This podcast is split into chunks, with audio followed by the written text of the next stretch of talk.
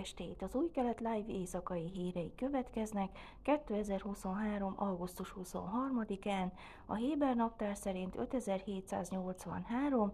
Elul hó 6-án.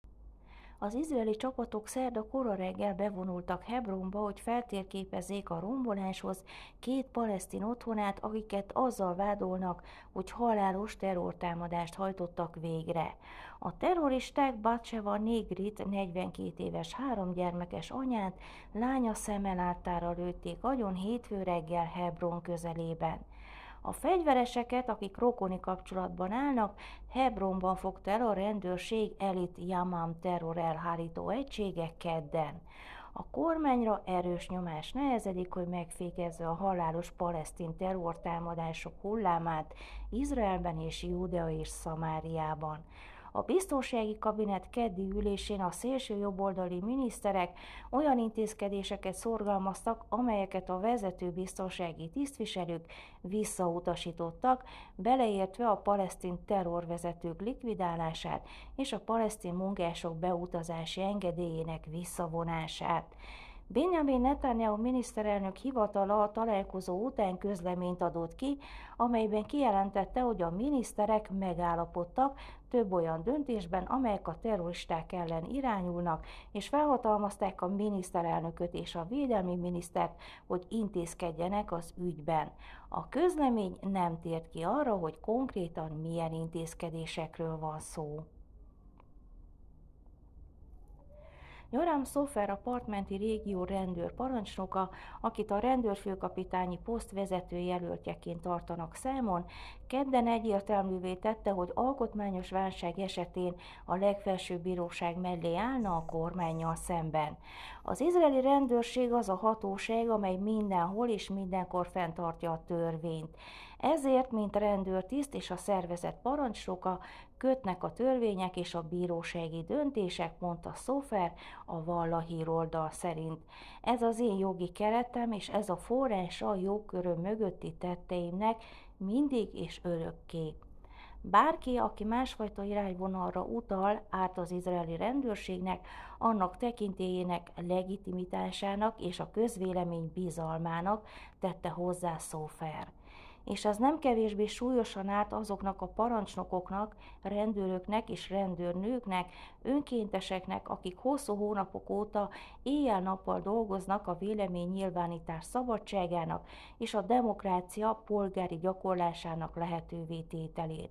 Ez a mi útunk, és nincs más csak a törvények és a bírósági határozatok maradéktalan betartásával folytathatjuk a rendőrség vezetését.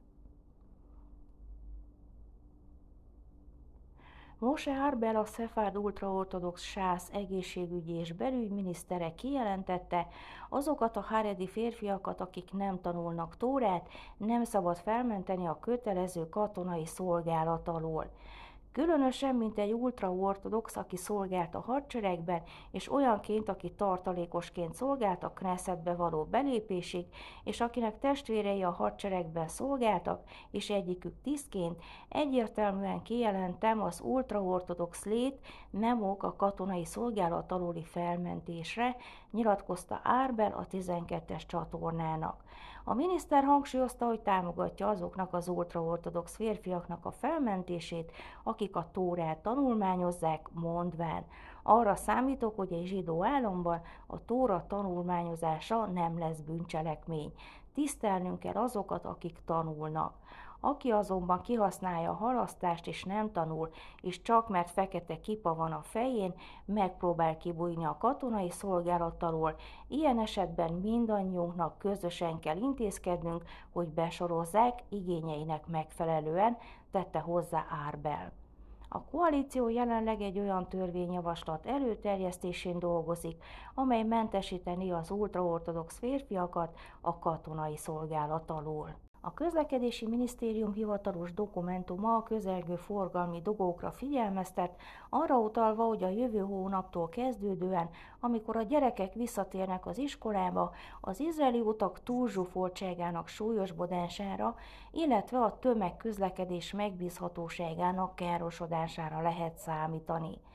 A tanév kezdetével és különösen a zsidó ünnepek után a forgalmi torlódások növekedni fognak az izraeli utakon, állítja a dokumentumban a közlekedési minisztérium nemzeti közlekedési hatósága, hozzátéve, hogy ami még rosszabb, a zsúfoltság szabályozatlansága fokozódni fog, hangsúlyozva azt is, hogy az úton elvesztegetett idő együtt jár a légszennyezéssel és az életminőség károsodásával. A helyzet olyan súlyos, hogy a közlekedési minisztérium néhány naponta megjelenő hatalmas torlódásokra figyelmeztet, amelyek egy órás vagy annál is nagyobb késéseket okoznak, mind a tömegközlekedés, mind a személygépkocsik számára. Hozzátéve ez a legelkeserítőbb helyzet, amely minden észszerű tervezhetőség nélkül hagy bennünket. Időjárás. Csütörtökön napos idő várható Jeruzsálemben 32, Hajfán 29, Eiláton 42, míg Ásdodban 30 és Tel Avivban 31 fokra lehet számítani. Ezek voltak az új kelet live hírei szerdán.